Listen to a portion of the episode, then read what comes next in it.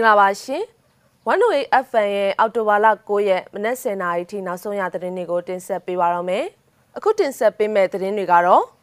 မုံရွာမြို့ဆယ်မြောင်းဝင်းရှိရဲမှုနေအိမ်ဘုံနဲ့ပြစ်ခတ်တိုက်ခိုက်ခံရတဲ့သတင်း။စစ်ကောင်စီရင်တန်းကိုမိုင်းခွဲတိုက်ခိုက်ခဲ့ပြီးရှေ့ပြေးစစ်ထောက်လန်ရေးတပ်သားတအုပ်ကိုလည်းတုတ်တင်နိုင်ခဲ့ကြောင်းရောဒေတာကာကွယ်ရေးတပ်ဖွဲ့ YDF ကထုတ်ပြန်လိုက်တဲ့သတင်း။မနေ့ကညဦးပိုင်းတုန်းကမန္တလေးမြို့ပေါ်မှာ တနက်ပစ်ခတ်တံတွေကြောင့်အများပြည်သူစိုးရိမ်ထိတ်လန့်မှုဖြစ်ပွားခဲ့တဲ့သတင်းတွေအပါအဝင် နောက်ဆုံးရသတင်းတွေကိုဆက်လက်တင်ဆက်ပေးပါမယ်။ပထမဆုံးသတင်းတစ်ပုဒ်အနေနဲ့စကိုင်းတိုင်းဒေသကြီးမုံရွာမြို့ဆယ်မြောင်းဝင်းအတွင်းကရဲမှုနေအိမ်ကို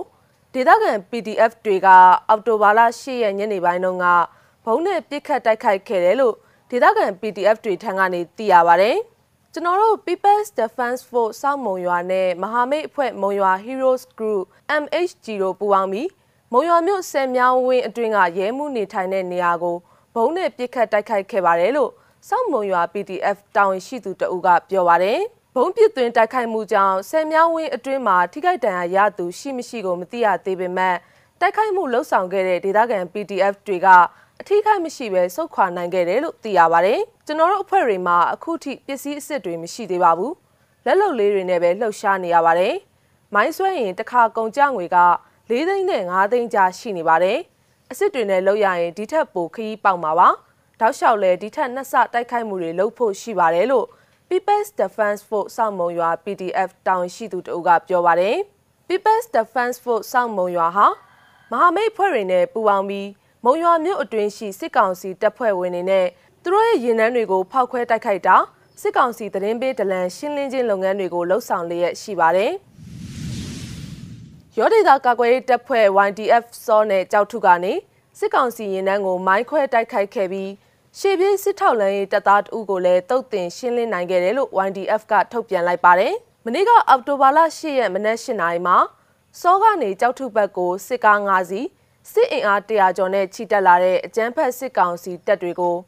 YDF စောနဲ့ကြောက်ထုကမိုင်းနှလုံးခွဲတိုက်ခိုက်ခဲ့တာဖြစ်တယ်လို့သိရပါဗျ။အဲ့ဒီတိုက်ခိုက်မှုကြောင့်စစ်ကောင်စီတပ်သားတေဆုံးဒဏ်ရာရမှုရှိပေမဲ့ YDF အနေနဲ့အတိအကျအတိမပြုတ်နိုင်ဘူးလို့လည်းဆိုပါတယ်။စစ်တပ်ရှေ့ပြေးထောက်လန်းရေးတပ်သားတဦးကိုလည်း YDF စောနဲ့ကြောက်ထုတို့ကနေတုတ်တင်ရှင်းလင်းနိုင်ခဲ့ကြောင်း YDF ကအတိပြုသတင်းထုတ်ပြန်ခဲ့တာပါ။ မန္တလေးမြို့မှာမနေ့ကအောက်တိုဘာလ10ရက်ညဦးပိုင်းကရက်ကွက်အုပ်ချုပ်ရေးမှူးအိမ်ဘုံပေါက်ကွဲမှုဖြစ်ပွားခဲ့ပြီးစစ်ကောင်စီလက်နက်ကင်တွေကတနက်နဲ့ရန်တမ်းပစ်ခတ်မှုတွေပြုလုပ်ခဲ့တာကြောင့်အများပြည်သူစိုးရိမ်ထိတ်လန့်မှုဖြစ်ပွားခဲ့ပါတယ်။ရက်ကွက်အုပ်ချုပ်ရေးမှူးအိမ်ဘုံကွဲတာကနေစတာပါ။အဲ့ဒီမှာစစ်ကောင်စီတပ်တွေရောက်လာပြီးရက်ကွက်ထဲရန်တမ်းပစ်ကြတော့တာပါပဲ။နောက်တော့62လမ်းပေါ်တက်သွားပြီးအဲ့ဒီမှာဆက်ပစ်ပါတယ်။လမ်းသွားလမ်းလာတွေကိုတားပြီးစစ်တယ်။တချို့ရိုင်းနှက်ခံရတာတွေရှိတယ်လို့ သတင်းရင်းမြစ်တအူးကပြောပါတယ်။မဟာအောင်မြေမြို့နယ်62လမ်း38လမ်းနဲ့39လမ်းကြားနဒီမြမဆေးရုံတောင်ဘက်ဒေသခံတွေကဖုံးကြီးရွာလို့ခေါ်ကြတဲ့မဟာမြိုင်ရက်ကွက်အုပ်ချုပ်ရေးမှူးဦးဖိုးကျော်ဆိုသူရဲ့နေအိမ်ကိုမနေ့ကညဦးပိုင်းမှာဘုံနဲ့ပစ်ပေါက်ခံရပြီးနောက်မကြခင်မှာပဲစစ်ကောင်စီလက်နက်ကင်တပ်ဖွဲ့တွေရောက်လာပြီးပစ်ခတ်မှုတွေပြုလုပ်ခဲ့တာဖြစ်တယ်လို့သိရပါတယ်။အဲ့ဒီပောက်ကွဲပစ်ခတ်မှုကိုမန္တလေးမြို့နေရာတော်တော်များများကကြားလိုက်ရပြီး အဲ့ဒီနောက်ပိုင်းမှာလည်းမဟာအောင်မြေမြို့နယ်နဲ့ချမ်းရည်တာဆန်မြို့နယ်တို့မှာပောက်ကွဲမှုတချို့ရှိခဲ့တယ်လို့ဒေသခံသတင်းရင်းမြစ်တွေကပြောပါတယ်။အဲ့ဒီနောက်မှာတော့ရွှေဘုံရှိန်ရက်ကွက်ကိုစစ်ကောင်စီလက်နက်ကင်တွေကအဝင်အထွက်ပိတ်ဆို့ထားလိုက်ပြီး62လမ်းတစ်လျှောက်ကိုလည်းတားဆီးစစ်ဆေးမှုတွေပြုလုပ်နေခဲ့တယ်လို့သိရပါတယ်။ပြန်ဖွင့်ကြတာဒီအော်အမမမအဲအဲအော်ရှဲကိုပြစ်တာဟောရှဲဖို့ပြစ်တာတော့ဒီဟိုစစ်ကားတွေကိုအများကြီးပဲတိရဲကားရဲကားတွေရောက် မန္တလေးတိုင်းဒေသကြီးမိုးကုတ်မြို့မှာစစ်ကောင်စီတပ်တွေနဲ့အမိမတိလက်နက်ကင်အင်အားစုတစ်ခုတို့အပြန်အလှန်ပစ်ခတ်မှုဖြစ်ပွားခဲ့တယ်လို့မိုးကုတ်နွေဦးတော်လန်ရေးမြေပြင်သတင်းမှန်အဖွဲ့နဲ့ဒေသခံတွေကပြောပါတယ်။အောက်တိုဘာလ10ရက်ညနေ3နာရီဝန်းကျင်ကတန်လွင်တောင်အရက်ဆိုင်ဘက်ကနေတောက်စားပြီးပြန်လာတဲ့အရက်ဝင်းနဲ့စစ်ကောင်စီတပ်သား10ဦးဝန်းကျင်ပါတဲ့ကားကိုမိုးကုတ်မြို့ရှေ့ပိုင်းလေဦးအမက23ကျောင်းအနီးမှာလက်နက်ကင်အဖွဲ့ကကြားဖြတ်တိုက်ခိုက်ခဲ့တာပါ။အ ပြန်အလှန်ပစ်ခတ်မှုဖြစ်သွားပါတယ်။စစ်ကောင်စီဘက်ကထိသွားတဲ့သူတွေရှိတယ်လို့လည်းကြားပါတယ်။စစ်ကောင်စီတပ်တွေကပြစ်ခတ်ခံရပြီးမြို့ရဲဘက်ကိုမောင်းပြေးသွားပါတယ်။ပြီးမှအုပ်စုလိုက်ပြန်တက်လာပြီးရှာဖွေရေးတွေလှုပ်တော့တာပဲလို့မိုးကုတ်မြို့ဒေသခံတအူးကပြောပါတယ်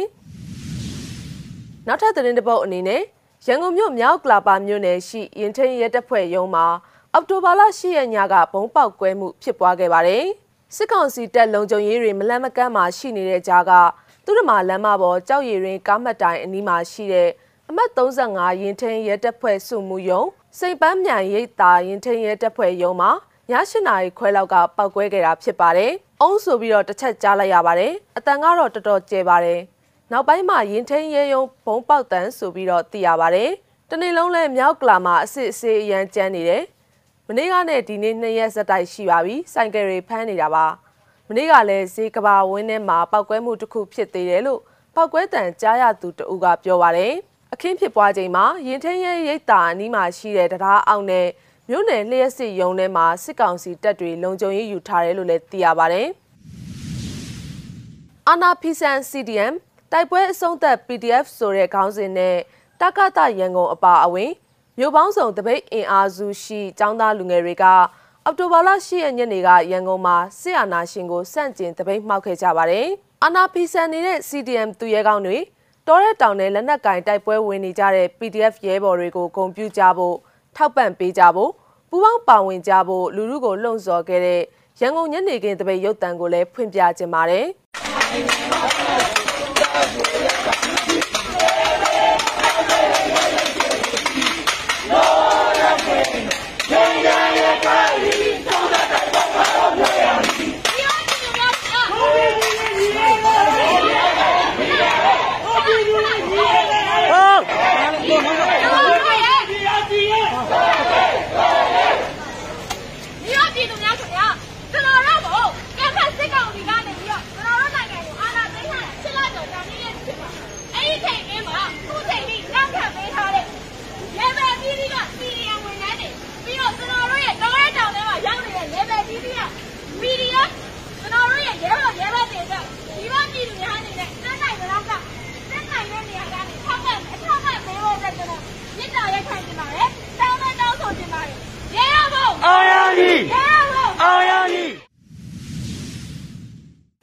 FM ရဲ့မနက်ပိုင်းနောက်ဆုံးရသတင်းတွေကိုတင်ဆက်ပေးကြတာပါ။နားဆင်ပေးကြတဲ့ပြည်သူတွေအားလုံးစိတ်ရချမ်းသာခြင်းကိုယ်ကျန်းမာခြင်းနဲ့ပြည့်စုံနိုင်ကြပါစေရှင်။